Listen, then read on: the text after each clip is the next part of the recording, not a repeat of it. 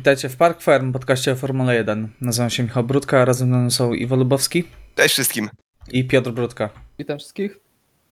E, wracamy po dwutygodniowej przerwie, po nawet więcej niż dwutygodniowej przerwie. Nie mogliśmy zrobić odcinku o Grand Prix Belgii, po pierwsze, bo Grand Prix Belgii na dobrą sprawę się nie odbyło, o czym zaraz porozmawiamy. E, po drugie, e, pokonała nas e, choroba praktycznie. Prawdziwa Piotrek grypa. Tak, dokładnie. E, praktycznie tylko Piotrek e, no, był, że tak powiem, dostępny przez ten czas, natomiast no, jeżeli byśmy rozmawiali tydzień temu, to nie byłoby to przyjemne dla słuchania i pewnie wartość merytoryczna nie byłaby zbyt wysoka. E, powiedziałem to jakby zazwyczaj była wysoka. E, ale dobrze, przejdźmy, przejdźmy do odcinka. Mamy mnóstwo rzeczy do obgadania. W Formule 1 zazwyczaj dużo się dzieje, ale ostatnie dwa tygodnie to jest po prostu jakiś roller coaster e, wiadomości. E, mamy dwa wyścigi za sobą, także zaczniemy na początku, porozmawiamy o tym, co się działo w Belgii. E, Później skomentujemy to, co się działo na rynku transferowym i porozmawiamy później o Grand Prix Holandii. Także taki jest nasz plan na, e, na rozwiązanie tej sytuacji. E, Także Belgia. E, Panowie, co e, możecie powiedzieć o tym weekendzie, myślę, bo, bo o tym, co się działo w niedzielę, to, to ciężko powiedzieć, że to był wyścig, prawda? No, przede wszystkim ekscytująca walka o zwycięstwo. Jakby marzyłem, żeby zobaczyć tak dobry wyścig na spa. No cóż, mogę wam powiedzieć. Fajne kwalifikacje, naprawdę. E, na pewno o wiele bardziej ciekawe niż ostatnie kwalifikacje w deszczu. Ja nie pamiętam, czy to w 20 czy w 19 były. Chyba w 19 były deszczowe kwalifikacje, z tego co kojarzę. Na Hungaroringu w 2020. Okej, okej, ale faktycznie jedne spa, je- jedno spa, pamiętam, gdzie Okon chyba zajął drugą pozycję, czy trzecią Mhm. pozycję, to chyba był 19 albo, chyba 19 rok, już stali się Racing Pointem, e, z tego co kojarzę. 18. 18, o jest, ale Bo czas... to był ten weekend, y, w którym y, stali się Racing Pointem. A, faktycznie, faktycznie, zlały mi się lata, dokładnie.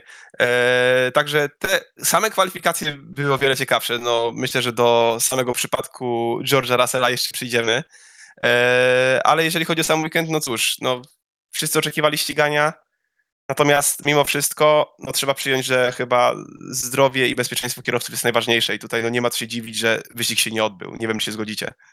No wiesz, czysto teoretycznie wyścig się odbył. Ach, Przejechaliśmy trzy ach. okrążenia, czy tam dwa okrążenia za safety carem. E, punkty zostały przyznane i e, co sądzisz e, na ten temat, Piotrek? Dla mnie to jest farsa, że te punkty zostały przyznane. Oczywiście w tej sytuacji, no nie chcę tutaj winić e, organizatorów, że no nie dopuścili do ścigania, bo sami widzieliśmy jak to wyglądało. No po prostu ten pióropusz e, e, wody, kropelek e, wody, które się wydobywały spod opon, no sprawiały, że każdy za Maxem Verstappenem no praktycznie nic nie widział i to na, w szczególności na tym torze, jaki, jaki, na jakim jeździliśmy, czyli na Spa, no to nie były e, warunki, w których można było się ścigać, no bo po prostu ta widoczność była zerowa, jakby coś e, poszło nie tak, któryś z kierowców by wypadł z trasy, e, no to to jest po prostu przepis na bardzo, bardzo niebezpieczną e, sytuację. Ja jestem naprawdę e, zawiedziony po raz kolejny postawą e, nie tyle co sędziów, ale myślę, że na czele z Michaelem Massim, który e, nie wiem na ile się przysłuchiwaliście tym komunikatom na e, tych, e, tej dyskusji pomiędzy sędziami a e, zespołami, e, ale przez większość komunikatów ja miałem wrażenie, że Michael Massi nie zna regulaminu. I to No tak. nie chodziło tylko o jedną rzecz, o powrót do e, o powrót do e, wyścigu Sergio Pereza, ale to chodziło o to, że Michael Massey nie był w stanie jednoznacznie powiedzieć, kiedy wyścig się rozpoczął, ile okrążeń prze, e, przejechaliśmy, ile okrążeń zostanie do końca, jeżeli wyścig zostanie wznowiony e, i kiedy dokładnie ruszył, e, ruszyło to odliczanie, bo doszło do sytuacji, bo e, dla osób, które nie wiedzą, w regulaminie sportowym tak nam się wszystkim wydawało, że od momentu, w którym się zaczyna Grand Prix, mija, y, Grand Prix musi się- zamknąć w maksymalnie 3 godzinach. To zostało wprowadzone po tym, co mieliśmy w Grand Prix e, Kanady w 2011 roku, kiedy tamten wyścig trwał 6, 6 godzin. 6-6,5 godziny. E, Bo mieliśmy tam z 3-godzinną przerwę właśnie ze względu na oberwanie chmury nad e, torem w Montrealu. I, ma, I mieliśmy sytuację, w którym ten zegar ruszył o godzinie 15 de facto kierowcy e, ruszyli z miejsc startowych o godzinie 15.20, już 20 minut po tym, jak zegar ruszył z jakiegoś powodu, a później ten zegar został magicznie zatrzymany, bo tak. Także no, naprawdę mi się bardzo nie podoba to, w jaki sposób Michael Massey tym wszystkim zarządza, bo to pokazuje, że, że po prostu się w tym wszyscy, wszyscy się w tym gubią i to po prostu wyszło, że ani sędziowie do końca nie znają regu- regulaminu, ani ludzie w zespołach Formuły 1 też do końca tego regulaminu nie znają. Oczywiście wiem, że ten regulamin jest bardzo obszerny, bardzo skomplikowany, no ale na tym poziomie... Kto ma znać regulamin, jak nie zarządzający wyścigiem? No, Dokładnie. bądźmy poważni, on powinien to sprawa- znać, wiesz. Druga sprawa na dla mnie, to, dla mnie to jest nieporozumienie, że e, nikt nie przewidział takiego, e, takiego scenariusza, że przyjdzie w niedzielę ulewa i nie będzie się dało jechać. Bo kiedyś to musiało do tego dojść. Doszło akurat wtedy w Belgii e, i ja jestem w szoku, że nie ma planu B. Na przykład taka seria NASCAR, również popularna w Stanach Zjednoczonych, ma na każdy weekend wyścigowy ma przygotowane dwa dodatkowe terminy jak w niedzielę się nie da jeździć, to jadą w poniedziałek. Jak w poniedziałek się nie, nie da jeździć, to jest we wtorek. I to wszystko jest dogadane, to wszystko jest zaplanowane. W Formule 1 z jakiegoś powodu nie jest. Także no tutaj naprawdę duże, duże pole do działania jest i też ten komunikat, który FIA wydała po wyścigu, że no jest nam bardzo przykro, zajmiemy się w tym w październiku.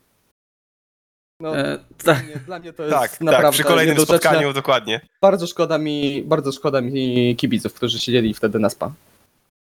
E, Bardzo szkoda kibiców, ale no, no tak jak mówisz, nie można było się ścigać i myślę, że o to nikt nie ma jakichś ogromnych pretensji. Natomiast, e, tak jak mówisz, zachowanie sędziów, brak przygotowania. Znaczy, ja rozumiem, że wyścig można było odwołać, tak? I odwołać. nie ma innego terminu, bo mamy w tym momencie pot- potrójny weekend wyścigowy. Wiemy, jak wygląda logistyka Formuły 1. E, Jest to bardzo skomplikowane i no, przełożenie nawet o jeden dzień wszystkiego no, graniczy z cudem, tak? Natomiast można było po prostu ten wyścig odwołać. Jak na przykład został odwołany, wybaczyć się wetnę, jak został odwołany wyścig w Australii, kiedy z- y, się rozpędzała y, pandemia koronawirusa. Wtedy można było odwołać cały weekend wyścigowy i spoko. I to na kilka godzin przed pierwszym treningiem, Dokładnie. także dało się. Także tylko, że mam wrażenie, że tutaj wkroczyły e, czynnik, który jest najważniejszy w Formule 1, czyli pieniądze.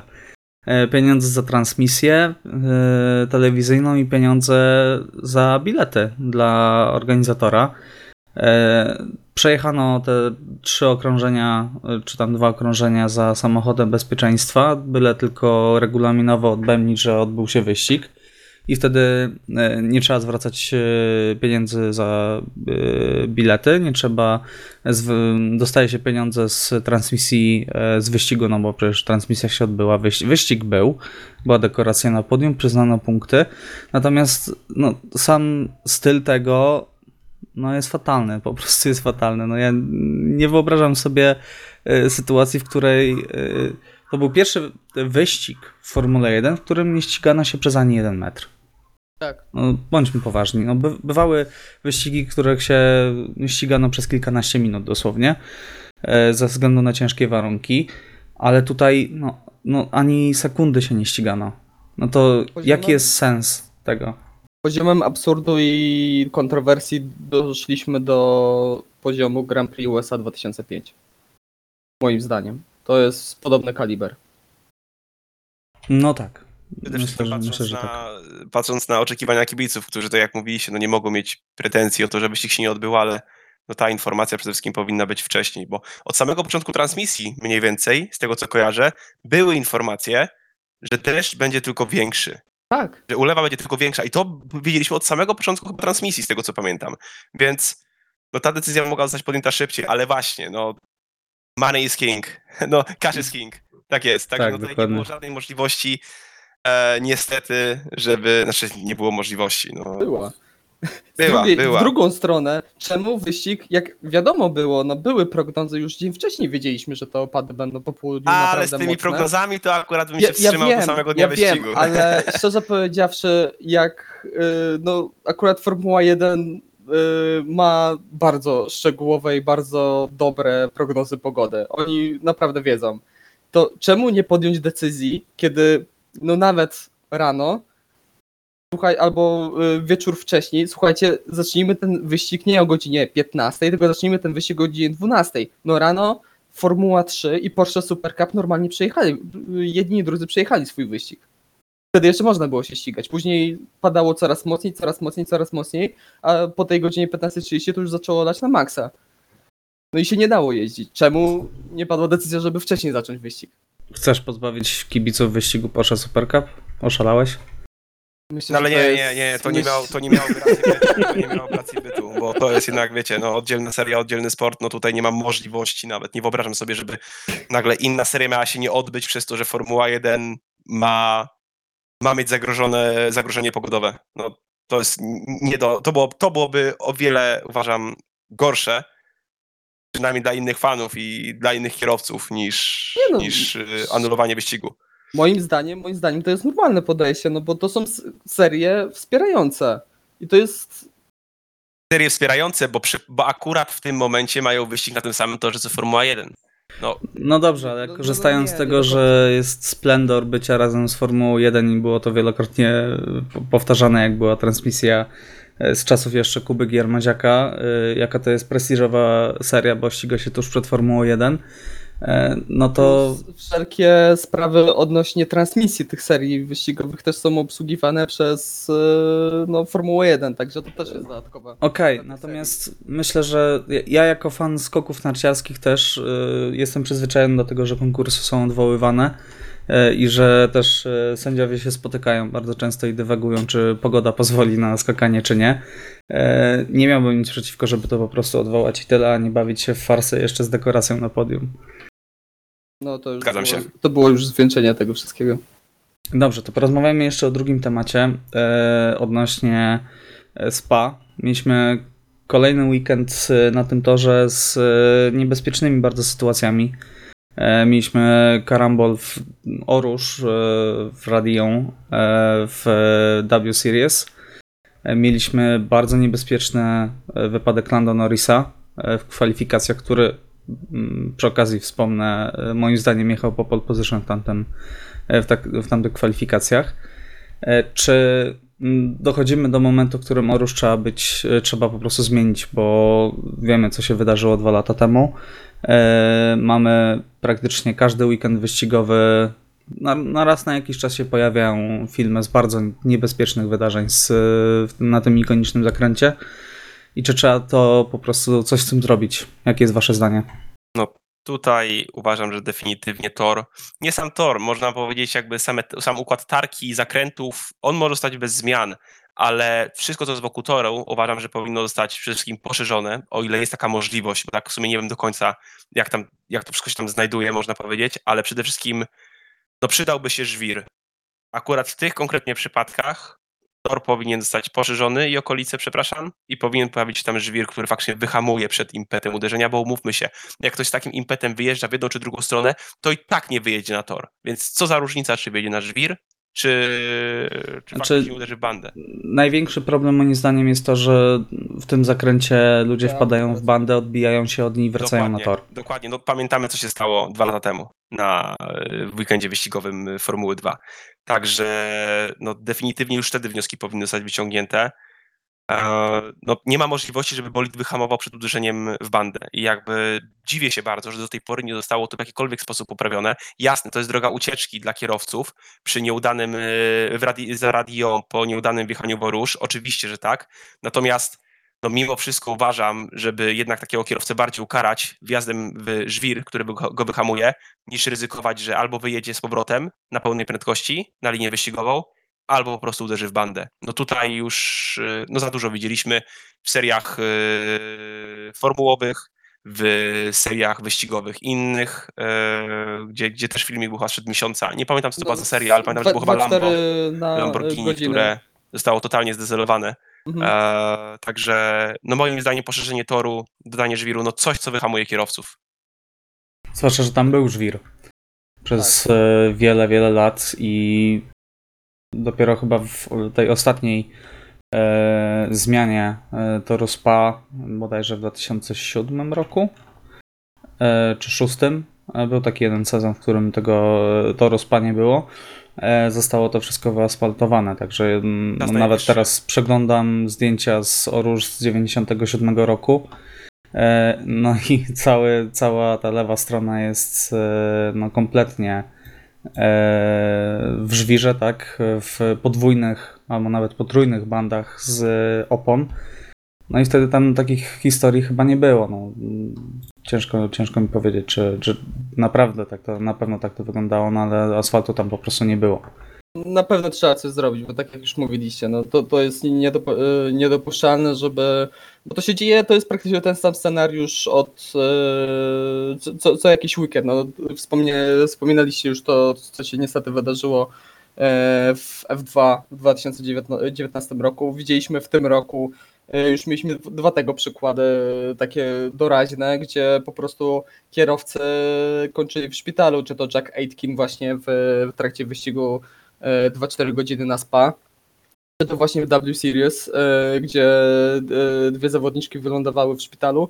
No to, to jest niedopuszczalne. Oczywiście myślę, że żaden, nikt z nas nie chce, żeby zmienić e, e, wszys- w tym zakręcie cokolwiek, bo to jest zakręt niesamowity w samych bolidach Formuły 1 w suchych warunkach, jak kierowcy wjeżdżają, no to tam na dole, na dobiciu w Ourusz tam y, przeciążenie sięga do 9G, a na wybiciu w Radion oni przez pół sekundy są w stanie nieważkości, także to jest coś niesamowitego, jest piękny zakręt, ale to jest nie, nie do dopuszczenia, żeby te samochody wracały i akurat one wracają w tym miejscu, w którym kierowca wjeżdżając w ten zakręt nie widzi, co się tam dzieje. On wyjeżdża na pełnej prędkości, niczego nieświadomy i nagle mu patrzy, że tuż przed nim jest samochód, który stoi y, w poprzek do niego, także trzeba coś z tym zmienić. Mam nadzieję, że nie zostanie spowolniony ten zakręt, nie zostanie zmieniony ten zakręt, ale mam nadzieję, że zostanie e, zmienione pobocze tutaj, żeby te, te samochody nie wracały z powrotem na, na linię wyścigową.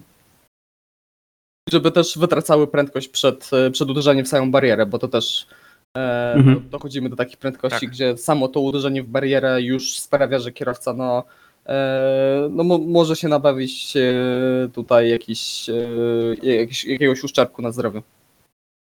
No dobrze. E, Czy chcielibyście coś jeszcze dodać odnośnie Grand Prix Belgii, czy, czy zamykamy ten temat? Szkoda po prostu, że to tak się Zapomnijmy rozwiązało, może. prawda? Może, może zapomnijmy o tym, co się stało w niedzielę. No, dla mnie osobiście to jest mm, drugi chyba ulubiony tor po Monaco e, w całym kalendarzu i strasznie szkoda, że nie zobaczyliśmy walki, bo mm, no, w tym roku mamy walkę o tytuł, tak, między dwoma kierowcami. E, No i to mógł być fantastyczny pojedynek. E, No dobrze, to przejdźmy teraz do, tym, co, do tego, co się działo przez ostatnie tygodnie na rynku transferowym. Silly season praktycznie prawie już się skończył.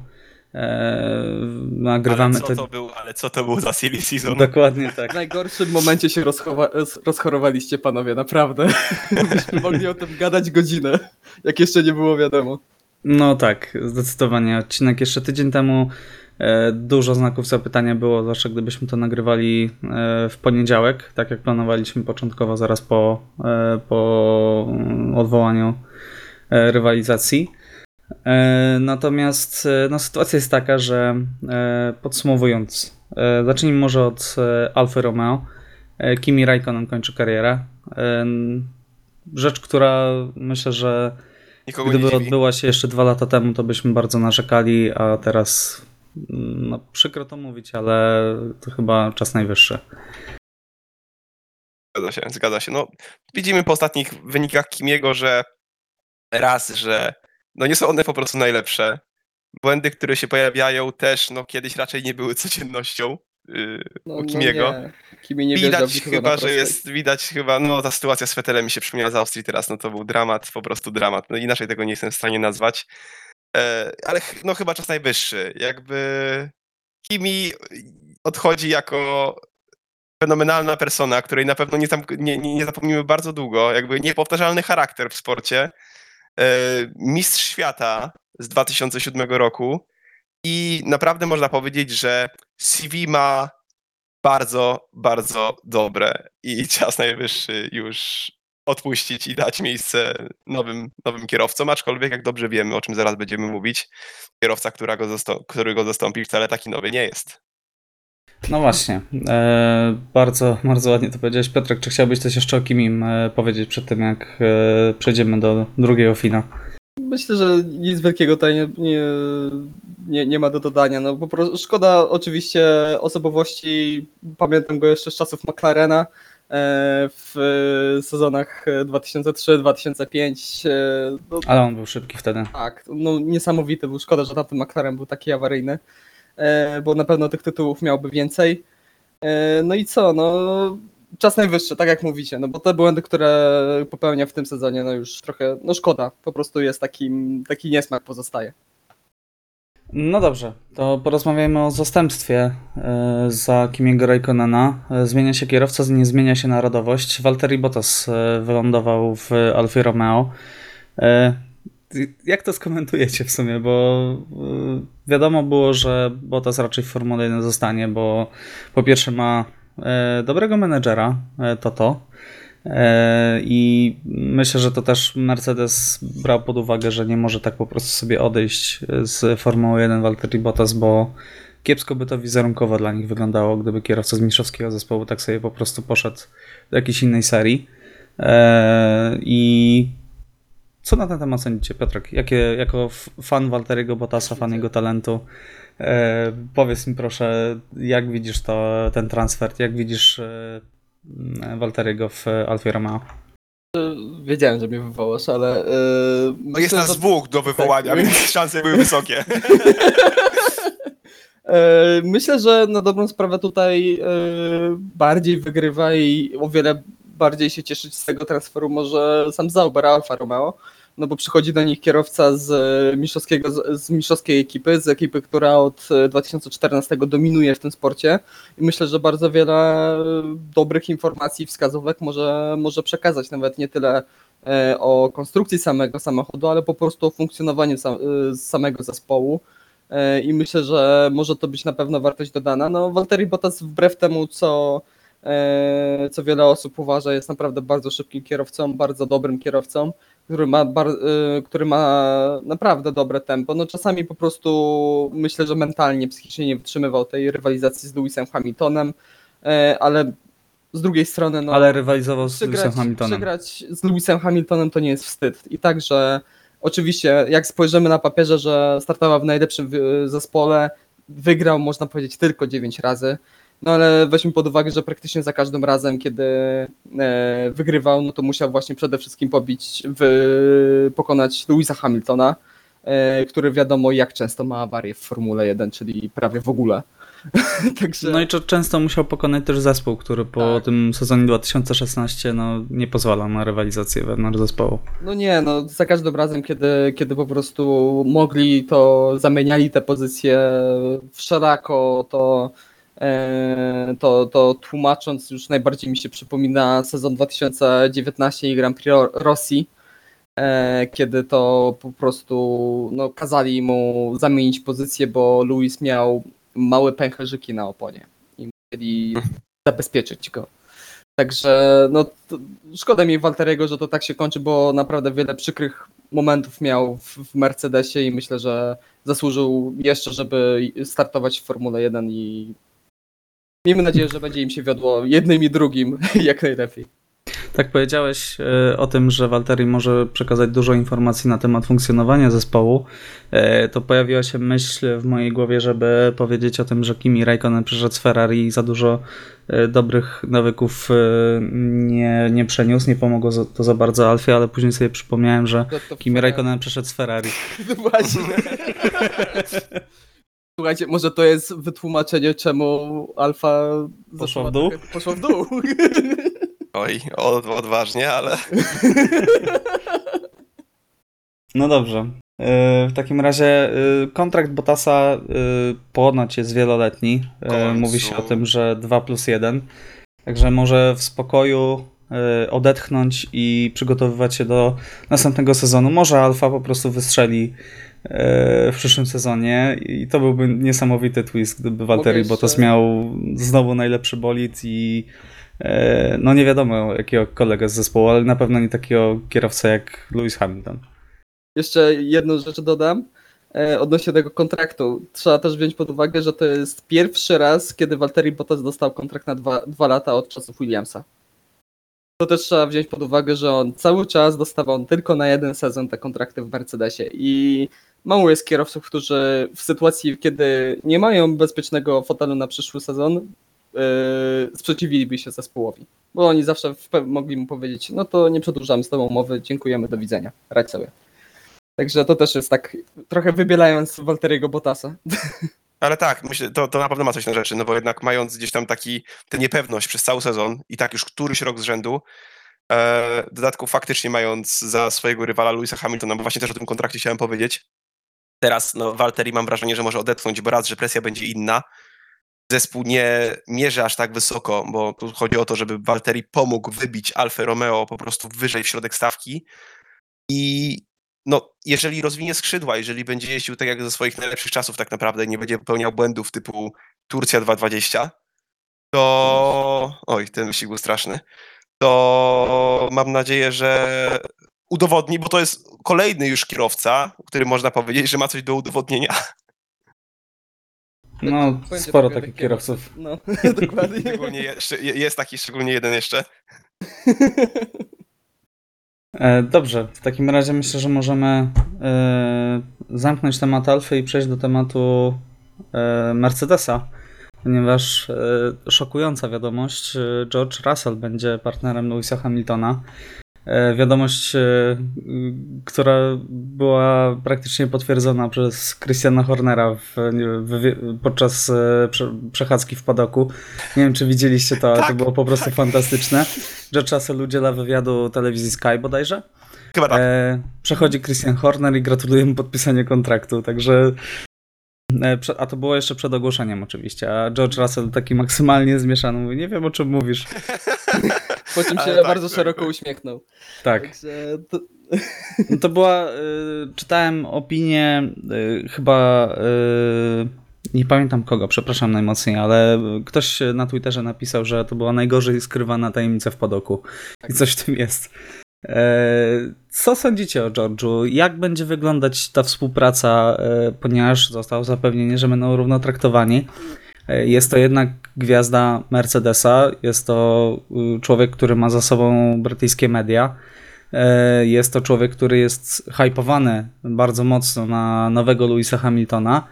E, I jak przewidujecie, czy, czy będą tam jakieś tarcia? Bo znowu, y, no, trochę może mieć sytuację, w której no, mamy lidera zespołu, który jednak y, wiecznie w tej Formule 1 nie będzie jeździł, a George Russell to jest takie rozwiązanie na następne 10-15 lat nawet, można powiedzieć. no, Przede wszystkim wydaje, wydaje mi się, że tak, no, George Russell teraz wiemy już, jak poradził sobie raz wchodząc do bolidu Mercedesa na wyścig i jakby tam ten wyścig był niesamowity. To był chyba wyścig, na który oczekiwałem najbardziej ze wszystkich wyścigów, które do tej pory oglądałem. Nigdy nie byłem tak nahypowany na wyścig jak na Sakir. A nie przed każdym Grand Prix Azerbejdżanu? aż tak nie, aż tak nie. Chyba za bardzo się zawiodłem w 2019 roku. E, Natomiast e, Sakir to właśnie było coś niesamowitego, żeby w końcu zobaczyć, czy ten George Russell da sobie radę w tym aucie, tak, no, w takiej sytuacji, będąc postawionym. No i w tamtym momencie stwierdziłem, że to jest oczywiste, że, że George Russell musi trafić do Mercedesa. Zresztą od dwóch lat, czy tam trzech lat, tak, dwóch lat. e, George, od 2019 roku George Russell jest sezon do Mercedesa. Jakby w końcu wiadomo, że to się stanie, więc to od samego, w żadnym momencie to nie było zaskoczenie, że on tam w końcu z- z- trafi. Kwestia No, jest taka, że... Esteban Ocon też miał trafić do Mercedesa w pewnym momencie. No, albo Netflix. Ale no, umówmy się. E, tak realnie, Lewis Hamilton wiadomo, bior- biorąc pod uwagę, że jest kierowcą jakim jest, on jest w stanie pojeździć jeszcze ładnych parę lat, natomiast tak realnie wydaje mi się, że on może sobie dać dwa, max trzy lata, żeby zdobyć to mistrzostwo, jeżeli nie zdobędzie go w tym roku oczywiście. E, więc dużo będzie zależało oczywiście od tego, jak, przy, jak przyszłoroczny bolid y, będzie wyglądał, bo nie spodziewam się, żeby Lewis Hamilton zszedł już niżej. Jakby wydaje mi się, że on w tym punkcie kariery, już tego nie zrobi. Nie będzie chyba drugim Kimi, Raikkonen, Kimim Raikkonenem tym Nie, nie, na pewno Ma nie. po drugie co robić, jakby jeżeli chodzi o, o pozostałe zainteresowania. Znaczy, on ma podpisany kontrakt na dwa lata teraz, także wiesz, no. Nie, no zgadza się, zgadza się. Dlatego wydaje mi się, wydaje mi się że no przede wszystkim tak, przyuczanie George'a Russella, no jakby to będzie tak fajnie, oficjalnie, ładnie brzmiało, że George Russell będzie rósł pod Lewisem Hamiltonem. Oczywiście na pewno wzajemnie w ten sposób to będzie działało, natomiast to już nie będzie taki poziom rywalizacji, jak na przykład dwóch młodych kierowców wchodzi do jednego zespołu, zaczynają ze sobą walczyć. George Russell zdaje sobie sprawę, że Lewis Hamilton w końcu odejdzie.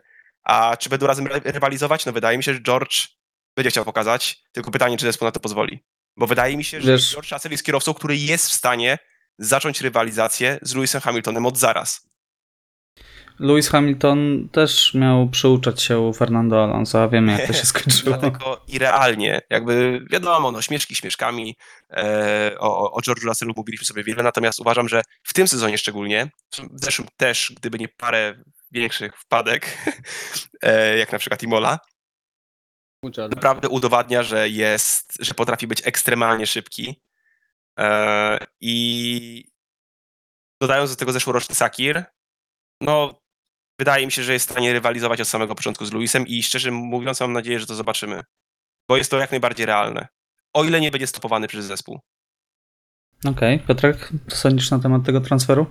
Ja jednym jestem mocno zdziwiony i że wszyscy przewidują, że tam po prostu będzie taki dym w tym zespole, że, wszyscy, że po prostu tam będzie walka na noże pomiędzy George'em Russellem a e, Lewisem Hamiltonem. Nie, nie przypominam sobie takiej sytuacji, że po prostu tak dużo kibiców było tak nastawionych, że o kurde teraz się będzie działo, ale tam będzie walka wewnątrz. Zobaczymy, no bo ja wątpię, żeby e, George Russell przyszedł do zespołu i pokornie przyjął rolę drugiego kierowcy, że okej, ja tu jestem młodszy, Hamilton za tam rok, dwa będzie sobie, pójdzie sobie na emeryturę i ja wtedy będę tym numerem jeden. Ja myślę, że George Russell od początku będzie y, chciał y, pokazać y, na co go stać i będzie naciskał, no bo z drugiej strony no George'owi media oficjalnie mówią o George'u już od czasów Formuły 2, że to jest przyszły mistrz świata Formuły 1. Jak przez 4 lata na dobrą sprawę słyszysz na każdym kroku, że ty jesteś przyszłym mistrzem świata, że ty Zero presji, dostaniesz... zero presji. że Nowy tylko- Senna nawet się pojawiało. Tak, że nowy Senna, pan, pan Sobota, że, y, że ty jesteś tym gościem, który będzie zdobywał wiele tytułów i idziesz do zespołu, w którym już raz byłeś na jeden wyścig i sobie bardzo dobrze poradziłeś, idziesz do zespołu, no to jak masz iść tam z nastawieniem, że dobra, ja, ja będę jednak tym drugim teraz, przez chwilę, ale będę tym drugim. No Ja no, mam wrażenie, że to jest bardzo podobna sytuacja do tej, która była w Ferrari, jak Charles Leclerc przyszedł. Tak, dokładnie. To jest bardzo podobna sytuacja do Vettel Leclerc. Oczywiście e, Lewis Hamilton jest o wiele bardziej równym kierowcą od e, Sebastiana Vettela e, w sezonie 2019. E, I tutaj myślę, że George Russell będzie miał mimo wszystko ciężej, e, cięższą sytuację niż e, miał Charles Leclerc. E, No ale myślę, że tutaj będzie, bę- będzie niezła walka. Ja stawiam tak wstępnie, że w sobotach, w kwalifikacjach e, będzie naprawdę wygrywał. Ja bym stawiał w kwalifikacjach naprawdę, że na koniec przyszłego sezonu, oczywiście to jest mnóstwo zmiennych, ale że George Russell będzie, będzie mimo wszystko w kwalifikacjach lepszy. Nie wiem jak z tempem wyścigowym, bo ja nadal nie jestem przekonany jak wygląda w pełni tempo wyścigowe George'a Russella, bo Williams nadal nie jest tak w 100% miarodajny. Wiadomo, aczkolwiek- że, wi- wiadomo, że w trakcie wyścigów, w szczególności na startach, na pierwszych okrążeniach, George'owi często zdarzają się sytuacje, w których on traci, no, czasem nawet seryjnie te pozycje, także Ale No jest i dużo jestem- lepiej niż w zeszłym roku. jestem, no oj tak, to na pewno, To jest 100 razy lepiej niż w 2019 roku, bo tam to tracił Ale zawsze. tam, nie, nawet nie mówmy o Williamsie, bo jakby tutaj ciężko oceniać przez pryzmat tego No samochodu, tak, naprawdę. no, o, w sumie racja, o ta- taczce lepiej nie mówić. E, także no, jestem bardzo ciekawy i trzymam kciuki za George'a. E, mam nadzieję, że będzie rywalizacja dwóch kierowców równorzędnych w Mercedesie. Znaczy Charles Leclerc miał tyle lepiej, że trafił na Vettela, który był już złamany trochę psychicznie, Mhm. mam wrażenie, po sezonie 2018. Zobaczymy, jaki będzie stan psychiczny yy, Louisa Hamiltona po tym, co się wydarzy w końcówce tego sezonu. Równie dobrze może być ta, wiesz, walka do ostatniego wyścigu i może w ostatnim wyścigu przegrać mistrzostwo na rzecz Maxa. I też może w jakiś sposób ucierpieć, że tak powiem, ta psychika Louisa Hamiltona, który, jak widzieliśmy już w tym sezonie, kiedy pojawia się bardzo duża presja, no łamie się pod tą presją. Często. Tak, tak. No Lewis Hamilton, jasne, on jest człowiekiem, który może jeździć praktycznie bezbłędnie, który jest e, no, bardzo często najszybszym kierowcą na świecie i nikt nie jest w stanie go przebić, kompletnie nikt. Ale jak dochodzi do takich zapalnych sytuacji, no to Lewis Hamilton nawet teraz dosyć często się właśnie gotuje. E, I ja najbardziej sobie przypominam ten, e, te kwalifikacje przed Hockenheimem w sezonie 2000, to było 18? 2018. 18, tak. Tak, kiedy wyjechał za, za szeroko w, w pierwszym zakręcie, e, uszkodził skrzynię biegów i no wtedy no praktycznie się położył przed bolidem, był kompletnie załamany. Oczywiście dzień później Sebastian Vettel popełnił e, straszny błąd, który z kolei jego złamał. E, no ale to też pokazuje, że Louisa Hamiltona można złamać i tak jak mówisz Michał, nie wiadomo jak będą wyglądały jego morale, jeżeli te, w tym sezonie nie uda mu się wygrać. No dobrze, mam jeszcze milion tematów, także na pewno będziemy mieli jeszcze mnóstwo czasu, żeby porozmawiać o e, tej dwójce. E, przejdźmy dalej do kolejnych wiadomości. E, Alex Albon w Williamsie. Trochę chyba niespodziewana wiadomość. Nie mówiło się dużo o Aleksie Albonie w kontekście powrotu do Formuły 1 i nie mówiło się na pewno dużo o jego miejscu w Williamsie, także jak skomentujecie to? No, przede wszystkim duże zaskoczenie, bo to jak mówisz, jakby chyba wcześniej nie rozmawialiśmy o Aleksie prawie w ogóle. E, nawet jeżeli to gdzieś z tyłu głowy prędzej się działo coś Alpha takiego, Tauri. że Alex Albon wraca do Alfa Tauri na miejsce Yukiego. A Williams, no jakby ja się cieszę, że Red Bull pozwolił na to, że, sam, że, że, że zadbali o to, żeby faktycznie Alex Albon znalazł y, swoje miejsce w Formule 1, ponieważ no, on stał się trochę ofiarą tego, jego awansu i, i, i faktycznie no, nie wytrzymał tej presji yy, Red Bulla, yy, bezpośrednio rywalizując z, próbując rywalizować z Maxem Verstappenem, oczywiście wiedząc, że jest się na pozycji drugiego kierowcy. No te decyzje podejmowane w Red Bullu wtedy no, były jakie były, już wielokrotnie to komentowaliśmy i, i, i no, wątpiliśmy w słuszność paru decyzji. Natomiast właśnie przez to uważam, że Alex Albon jest kierowcą, któremu warto dać szansę jeszcze po prostu dalej młody kierowca, no jest to szalenie młody kierowca, który dalej e, no, ma szansę się wykazać. Kolejny kierowca. Pokazał się świetnie do... w DTM-ach też w tym sezonie. Tak, dokładnie, wygrał. On wygrał jeden wyścig póki co, chyba ostatni, jak dobrze tak, pamiętam? Chyba tak. Tak, mhm. tak, tak. E, Ferrari w, w, w barwach Alfa Tauri. Pięknie wyglądający, uważam. E, natomiast e, jest to kolejny kierowca, który ma coś do udowodnienia. I biorąc pod uwagę, jak dobry progres robi Williams od zmiany zarządu, całe szczęście, że to nastąpiło. Wydaje mi się, że no Williams jest tutaj już w tym momencie takim no, dobrą jest, trampoliną do jest, powrotu. Tak, dobrą trampoliną, nie jest jeszcze pewnym, można powiedzieć, takim środkiem stawki, ale jest na dobrej drodze, żeby środkiem stawki takim, standard, takim faktycznie mocnym stać się w przyszłym roku, który jest dużo niewiadomą. Ale jeżeli faktycznie tak będzie, no to wtedy, no, tak powiem z angielskiego, sky is the limit, jeżeli tylko się wykaże. Ja szczerze okay. powiedziawszy nie mhm. jestem jakoś e, pozytywnie nastawiony do tego powrotu. Ja też nie byłem szczerze powiedziawszy nastawiony jakoś mega pozytywnie za pierwszym razem jak Alex Albon e, wchodził do Formuły 1, no bo on jakichś fenomenalnych rezultatów w Formule 2 nie był.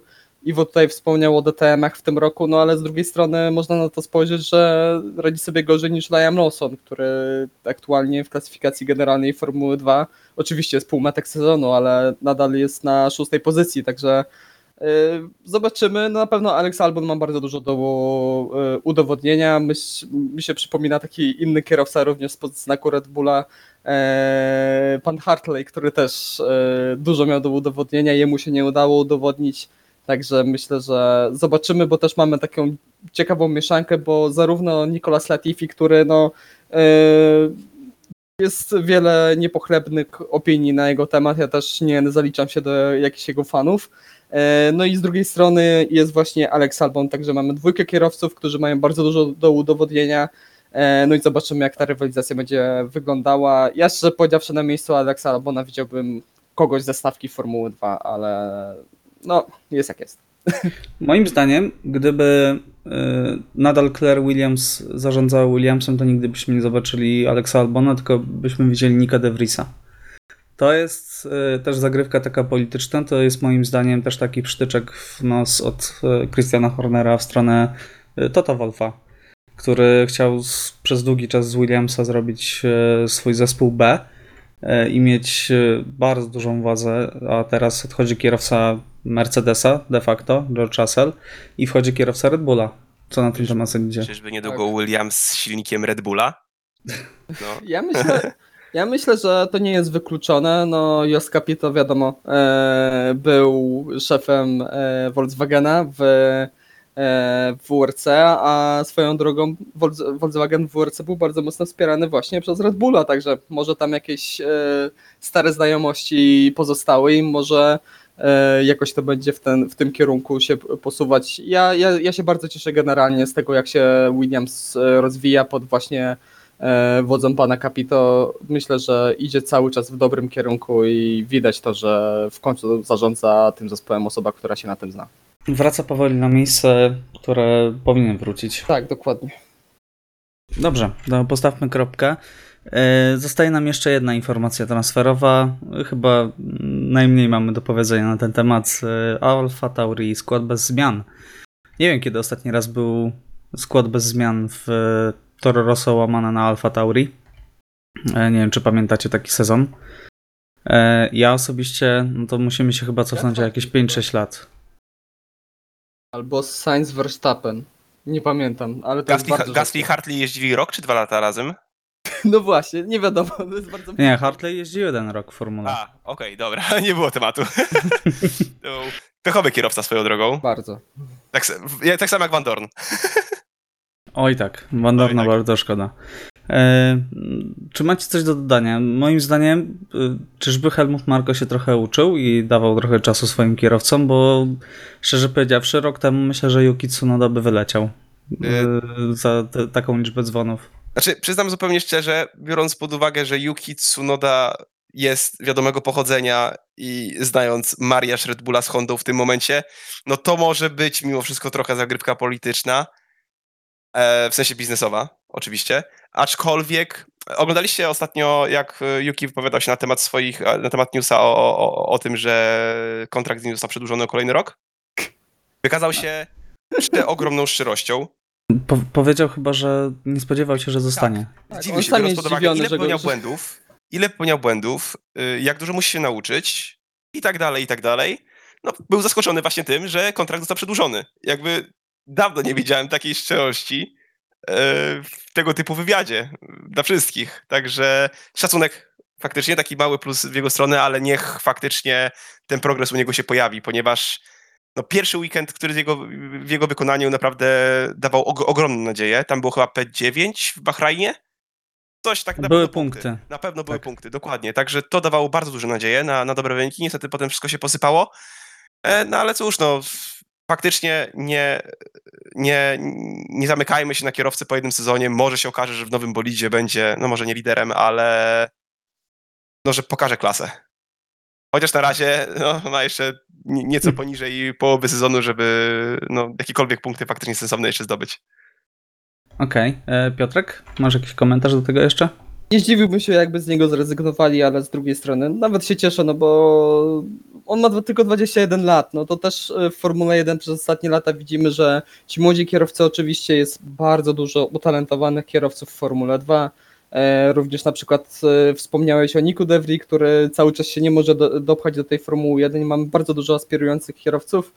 E, A z drugiej strony mamy mnóstwo kierowców, którzy przez tą Formułę 1 są bardzo szybko wypluwani i po sezonie, po półtora po prostu jest z nich rezygnacja, oni nie mają czasu się zaklimatyzować. No nie każdy kierowca jest w stanie wsiąść od razu i jechać na 100%, także zobaczymy jak będzie e, Yuki się prezentował w przyszłym sezonie. Mam nadzieję, że już nie będzie tyle dzwonił, bo e, no, za dużo trochę tego.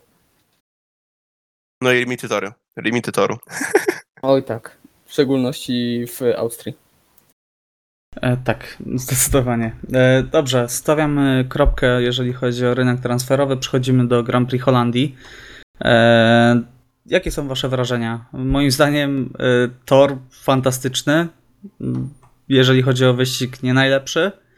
Natomiast e, sama atmosfera top, absolutny top. E, Dawno czegoś takiego nie widziałem, e, jeżeli chodzi o trybuny i fantastycznie się stało, że tyle kibiców mogło się pojawić na torze i, to był taki prawdziwy wyścig w świecie jeszcze przed pandemią na dobrą sprawę. Tro, trochę mam skojarzenia, jeżeli by zamienić tam kolory z pomarańczowego na czerwone, że no, ti- tifosi e, prezentują podobny poziom.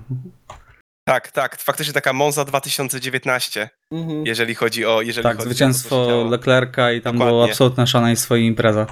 Prze, prze, przecudowna, przecudowna e, okolica, e, świetna nitka toru, naprawdę. Nie oceniam teraz, czy bolidy F1 powinny się tam ścigać, czy nie, ale sama nitka jest oryginalna, jest klasyczna, jest, tor został zmodyfikowany w sposób, no mimo wszystko dobry, na, na, na możliwości, które faktycznie tam były.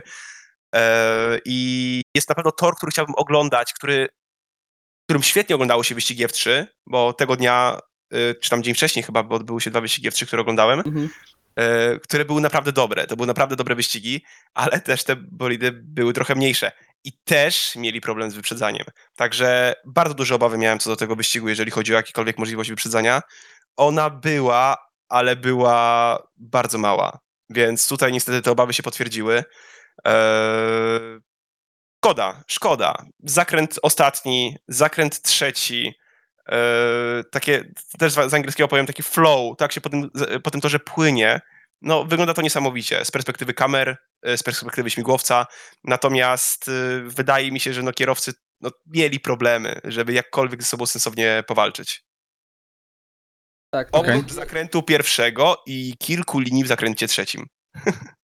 Tak, to, to jest właśnie niesamowite i ja naprawdę byłem e, pod wrażeniem tego, co jak po prostu oglądałem, no bo e, też często zdarza mi się oglądać e, piątkowe treningi e, i to jak na początku kierowcy próbowali różnych linii, to na początku schodzili tak powiedzmy bardziej klasycznie, a po pewnym czasie się okazało, że no ta ta, ta, ta zewnętrzna linia, taka naprawdę mocno nietypowa jak na standardy Formuły Tro, 1. stroma. Tak, ta y, trzymanie się tej górnej y, części była o wiele, o wiele szybsza. E, trochę mi się to skojarzyła ta trójka, szczerze powiedziawszy, troszeczkę z tym słynnym zakrętem na Nordschleife, karuzelą. E, Mhm. Gdzie też tam są dwie różne linie, jak można pokonać ten zakręt, w zależności jakim autem jedziesz, to albo jedziesz szeroko, albo jedziesz po wewnętrznej. E, także naprawdę myślę, że im więcej takich zakrętów w kalendarzu, tym lepiej. I szczerze powiedziawszy, tak e, oczywiście no, mieliśmy trochę taką procesję, e, ale po wyścigu, po tej całej atmosferze, po tym całym wszystkim, co widzieliśmy, miałem takie przemyślenie, że szczerze powiedziawszy, dla takiego toru, dla takiej atmosfery wokół toru, dla tego wszystkiego, co się działo, ja jestem w stanie e, na spokojnie i bez żalu powiedzieć, że ok, ścigajmy się tam. Niech ten wyścig będzie regularnie w kalendarzu, żeby była ta cała otoczka. Jest tor trudny, który od kierowców wymaga bardzo dużo skupienia i nie wybacza najmniejszego błędu. Niech takie tory też będą w kalendarzu. Nie musimy się wyprzedzać, nie musi być manewr wyprzedzania na prostej DRS-owej co, co, co okrążenie, ale żeby kierowcy też musieli się wysilić e, w trakcie tego kalendarzu, chociaż co do organizacji, mnie mocno zdziwiło, że cały ten właśnie ostatni zakręt został przeprojektowany w taki sposób, żeby można było e, wykorzystać system DRS na nim. I tuż przed weekendem zdecydowano, że nie będzie tam systemu DRS względów bezpieczeństwa. Kwestia bezpieczeństwa. Jestem w stanie trochę zrozumieć, powiem Nie, szczerze. ja, ja to E, rozumiem, tylko że przeprojektowali zakręt tylko po to, żeby tam był, na nim był DRS i koniec końców z niego nie, nie skorzystali, także Ale można się napędzić. Ale umówmy się, proszę was, oglądamy Monako, więc no, nie możemy na, narzekać na Zandvoort. Tak, tak, no właśnie, Dokładnie, jest, dokładnie. jest Zandvoort, jest Monako, są wyścigi, gdzie nie będzie manewrów wyprzedzenia, albo będzie ich ekstremalnie mało, no ale miejmy też i takie y, tory w kalendarzu. Jeżeli mam oglądać procesję, to wolę ją oglądać na Zandvoort i na Monako niż na Port Ricard. Naprawdę. I jeszcze jedna dosłownie rzecz. Wspólny mianownik. Monako i Zandvoort. Fenomenalne kwalifikacje. Owszem, Monako jest nie do pobicia, Tak. ale Zandvoort naprawdę sobota była nieziemska. Tak, dokładnie. Świetne kwalifikacje, dawno nie widziałem tak dobrych. No dobrze, to Spa, skoro już. okej, przepraszam, wy- na Spa też świetne, ale no wiecie o co chodzi, prawda? To jest, to, jest, to, jest, to jest ten wspólny mianownik i ja chcę oglądać kolejne wyścigi na, na Zandvoort, bo może się okazać, że kolejny faktycznie już będzie no, w nowych bolidach lepszy. No właśnie, zwłaszcza, że bolidy w przyszłym roku mają pozwolić na dużo bliższe ściganie. Uwierzę, E, jak i ten- zobaczę... Tak, ocenimy. No, no, za rok będziemy już mądrzejsi na pewno, yy, czy te zmiany regulaminowe cokolwiek przyniosły. E, no, natomiast przejdźmy do tego, co działo się, jeżeli chodzi o właśnie o rywalizację. Mieliśmy wygraną Maxa Verstappena, e, który no, musiał radzić sobie sam e, przeciwko dwóm bolidom Mercedesa i poradził sobie z każdą zagrywką. Naprawdę jestem pod wrażeniem, bo Mercedes rzucał wszystko i Bottas był wykorzystany oczywiście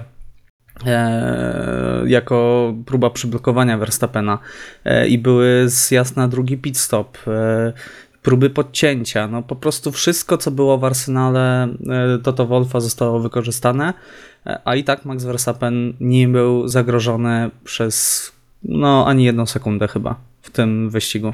Max chyba lubi ten tor i czekał na ten wyścig. Tak, no, Ale raz, płynął, płynął. Raz, raz pamiętam, że y, dojechał trochę Lewis Hamilton do Maxa Verstappena. Tam się, jak zazwyczaj, y, było ta, ta różnica w okolicach 4-5 sekund. Tak w pewnym momencie dojechał na 1-2, 1-3 i wtedy się zaczęło robić trochę gorąco, no ale po chwili Max Verstappen odjechał, co najlepiej pokazuje to, że po pierwszym okrążeniu już miał dwie sekundy przewagi nad Lewisem Hamiltonem. Mhm, To dokładnie. było, Oj, tak. to było niesamowite, naprawdę. Także e, brawa dla Maxa, naprawdę ja mu szczerze zazdroszczę, tym bardziej, że on jest moim rówieśnikiem. Chciałbym przeżyć, wygrać wyścig e, domowy w takiej atmosferze, naprawdę. Zazdroszczę. I przy okazji, przy okazji wrócić jeszcze na prowadzenie w mistrzostwach, tak? Tak. E, mieliśmy dwie wygrane, jakby nie patrzeć Maxa Verstappena i e, teraz Max prowadzi o trzy punkty w mistrzostwach, więc e, ta strata e, do Luisa została całkowicie odrobiona i mamy panowie 10 września w tym momencie e, i mamy walkę o tytuł i mamy różnicę trzech punktów między dwoma kierowcami z dwóch różnych zespołów. Jakie to jest fantastyczne, prawda? No, ja, ja, ja, ja nie znałem tego. W sensie znałem to do 2018 roku, jak zaczynałem do wyścigu na Hockenheimringu. Wtedy jeszcze faktycznie coś tam było. Ale co jeszcze warto zaznaczyć a propos samego wyścigu, to jest przede wszystkim ta dobra reakcja Red Bulla. Yy, brak tych błędów, które gdzieś były popełniane chyba w Hiszpanii. Natomiast Mhm. ekstremalnie szybka reakcja na pit stopy, e, gdzie no, wszystko działo się okrążenie za okrążeniem i brak możliwości podcięcia, nadcięcia, czegokolwiek. No to o tym faktycznie mówiliście, ale no to było niesamowite. Faktycznie w trakcie, w trakcie tego wyścigu no, oglądaliśmy, wal- czy- no, czekaliśmy na walkę na pit stopy, no bo niczego więcej nie mogliśmy tak naprawdę obejrzeć. Nie liczyliśmy przecież, że Bottas na prostej podczas DRS-u będzie w stanie podtrzymać Maxa Verstappena mimo wszystko, na starych oponach. No i mieliśmy Louisa Hamiltona, który po trzech okrążeniach narzekał, że jego opony są już zniszczone. Fastest lap. Fastest lap. Tak. I to się stało, i to się stało. Jakby Tak, to, było, to, dokładnie. było, to było tak memiczne. Ja naprawdę się zastanawiam. Ja kiedyś muszę. No w sumie teraz zaczynam urlop, to będę miał trochę czasu. Sprawdzę, bo na F1 TV mamy całą komunikację radiową na linii kierowca, inżynier wyścigowy. Ja naprawdę jestem ciekawy, czy inni kierowcy też tak często narzekają na czy to na opony, czy to na cokolwiek innego, czy po prostu, czy naprawdę Lewis Hamilton jest ewenementem i cały czas narzeka na te opony, a wszyscy wiemy, że on najlepiej zarządza tymi oponami na świecie. To jest naprawdę niesamowite. Tak jak wspominałeś podczas wyścigu, Piotrek, może to jest jakiś po prostu tajny kod. tak. Tak, że to że specjalnie, że to jest na odwrót, że jeżeli on mówi, że opony są do wyrzucenia, to wtedy jest okej. Może tak jest, nie wiem. No, y, rekordy okrążeń by na to w sumie wskazywały. No dobrze, to przejdźmy teraz do tematu, na który chyba najbardziej czekaliśmy. Robert Kubica powrócił po raz trzeci do Formuły 1. E, Co prawda w bardzo niespotykanych okolicznościach e, pozytywny test e, na COVID Kimiego Raikkonena. Robert skoczył, miał tylko jedną sesję godzinną, skoczył na kwalifikacje, zajął miejsce 18, skoczył na wyścig, zajął miejsce 15, tak? O ile dobrze pamiętam. Tak.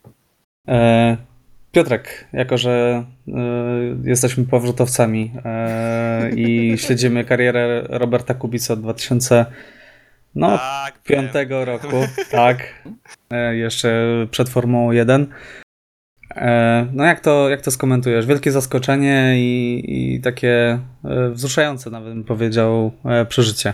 Tak, no myślę, że najbardziej, najlepiej opisują to słowa Roberta po przekroczeniu linii mety, że w końcu miał bolid, którym mógł o coś walczyć. Pierwszy raz od 2010 roku. E, I myślę, że Robert został postawiony w ekstremalnie trudnej sytuacji, bo był, dostał bolid na jeden trening. E, w trakcie wyścigu jechał zarówno na jednej i na drugiej oponie, na której w ogóle wcześniej nie jeździł. E, wcześniej w trakcie jakiegokolwiek sezonu nie jeździł.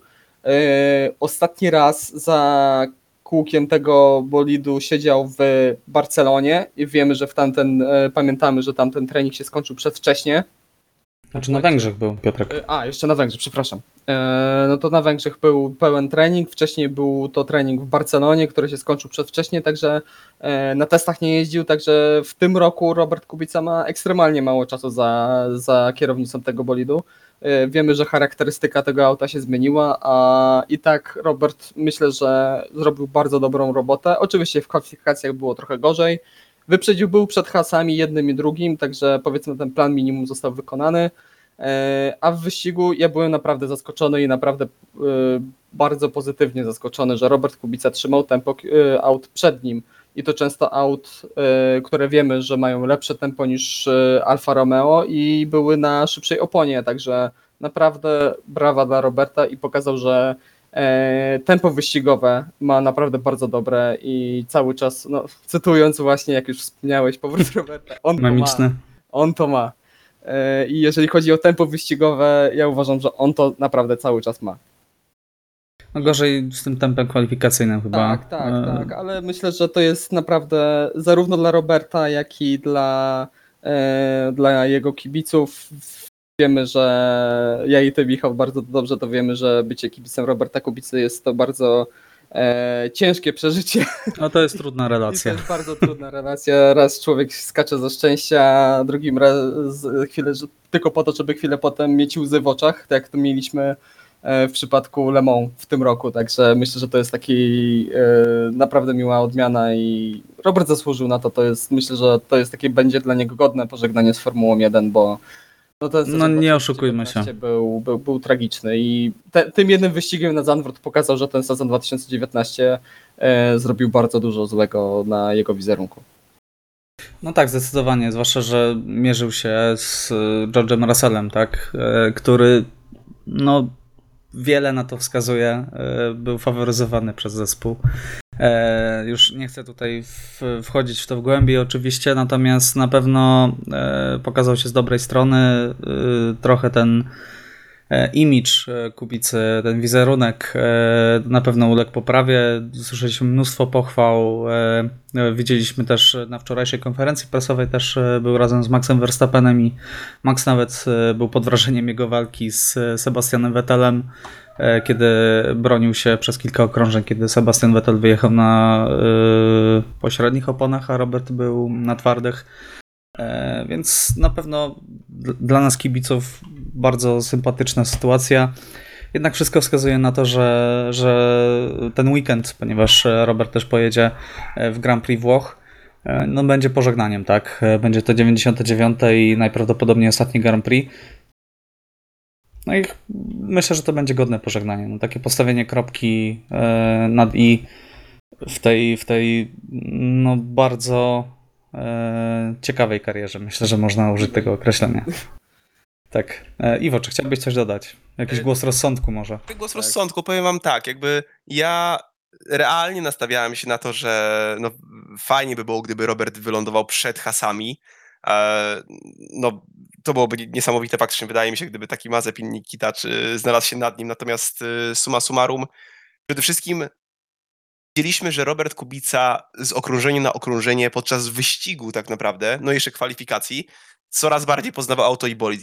To było widać tak naprawdę podczas, podczas całego tego y, części weekendu, którą miał dla siebie, ale no nie spodziewałem się tego, jak dobrze pokaże się ze strony walki z innymi kierowcami. Może nie było tyle walki koło w koło, bo tor na to nie pozwalał, ale jeszcze sama końcówka i wyprzedzenie Latifiego na ostatnim okrążeniu, chyba ostatnim, czy przedostatnim, tak czy inaczej pod sam koniec, no to już było takie tylko dopięcie i no, jestem pod olbrzymim wrażeniem. Jako osoba, która wcześniej no, nie oglądała startów Formuły 1 z udziałem Robert, Roberta Kubicy, pamiętając 2019 rok nieszczęsny, Y, I spodziewając się tego, że no Robert Kubica dalej no, ma w sobie to coś, udowodnił dla mnie jako osoby sceptycznie bardziej nastawionej, że tak, ma to coś.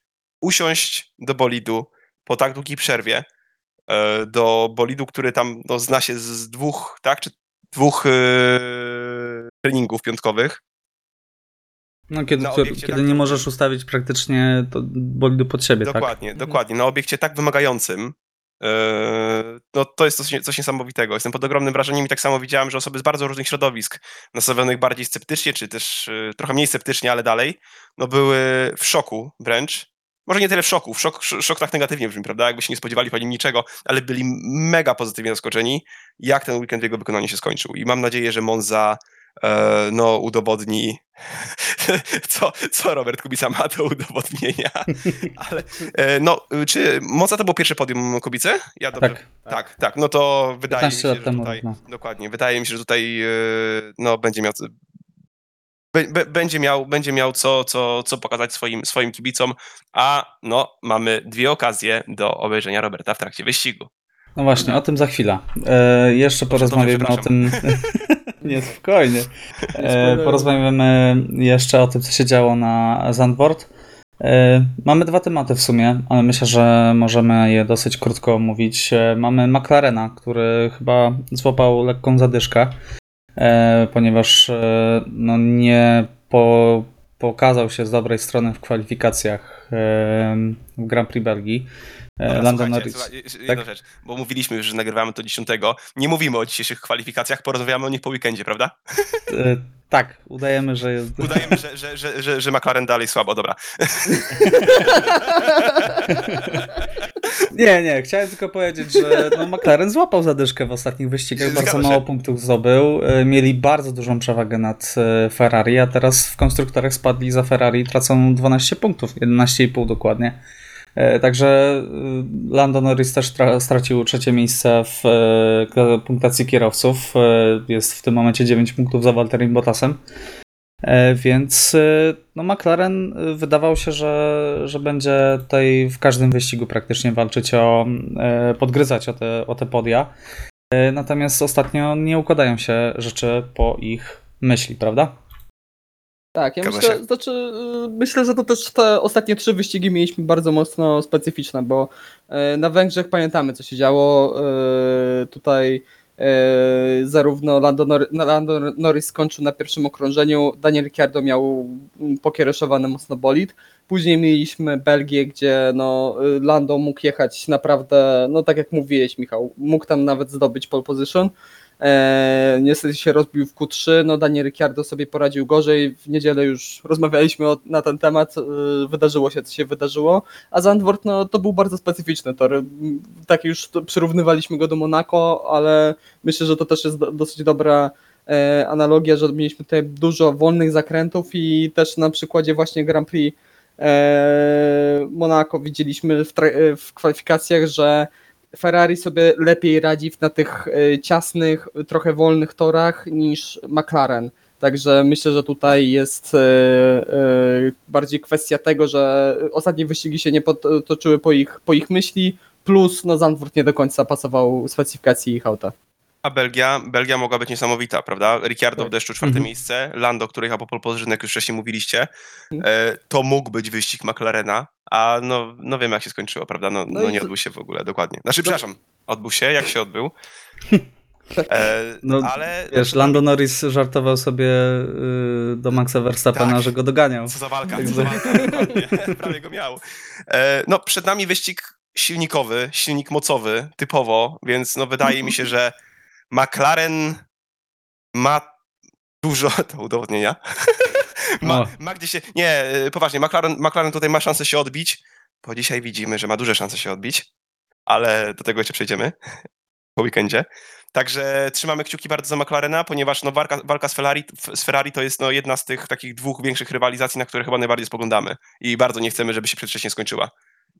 No tak, zdecydowanie. No a Ferrari, powiem ci, że powiem wam, że naprawdę mm, bardzo solidny sezon jedzie. Nie, nie jest to sezon wybitny, ale na pewno jest to takie platforma do odbicia e, przed kolejnym sezonem. Wydawało się, że po tym, co słyszeliśmy, że e, przed sezonem, że ten sezon będzie kiepski, że dopiero w przyszłym roku będziemy rywalizować, to obawiałem się, że ten sezon będzie fatalny znowu, a jest naprawdę bardzo, bardzo solidny. No mają świetnych kierowców i naprawdę wykorzystują Naj- praktycznie każdą. Tak, dokładnie. Każdą praktycznie sytuację wykorzystują na wyszarpanie punktów. No dobrze, w takim razie, y, czy chcemy coś jeszcze powiedzieć na temat Alpine i Alfa Tauri? Y, czy zostawiamy jednak ten temat, bo nie jest to jakiś wybitny y, punkt do omówienia. Alfa Tauri praktycznie ciągnięta przez Piera Gasly'ego za uszy, który pojechał fantastyczny wyścig, czwarte miejsce, y, fantastyczne kwalifikacje. Y, Ostatnie trzy sesje kwalifikacyjne to jest przedział e, 4-6 dla Piera Gasly'ego. A wiemy, Więc że to naprawdę- nie, a wiemy, że to nie jest tylko pan Saturday. Dokładnie tak. W niedzielę też dojechał, miał taki klasyczny, samotny wyścig, tak? 30 sekund czy tam został zdublowany e, przez lidera, e, natomiast z tyłu też miał jakieś 20 czy 30 sekund spokoju, także pewnie bardzo się nudził.